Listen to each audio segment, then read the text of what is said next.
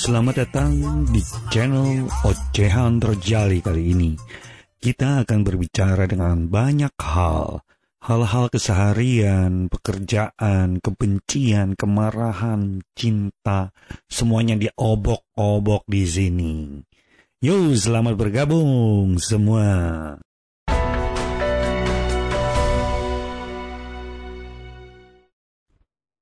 Kali ini Rojali mendapatkan kiriman dan titipan uh, suara hati dari seorang sahabat.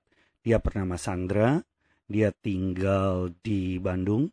Uh, dia ingin meneriakan apa yang dirasakan oleh hatinya dalam LDR atau long distance relationship yang sedang dilakukannya.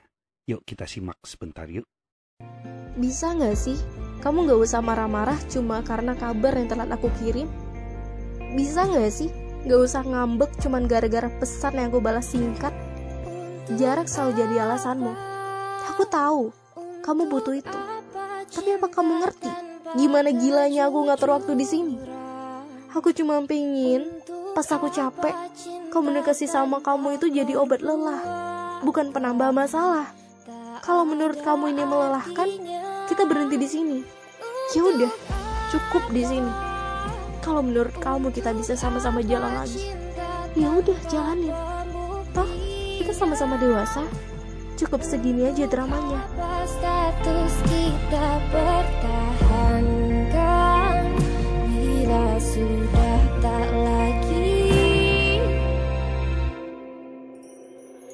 Cinta. Demikian episode kali ini. Salam dari Rojali Salam juga dari Juleha.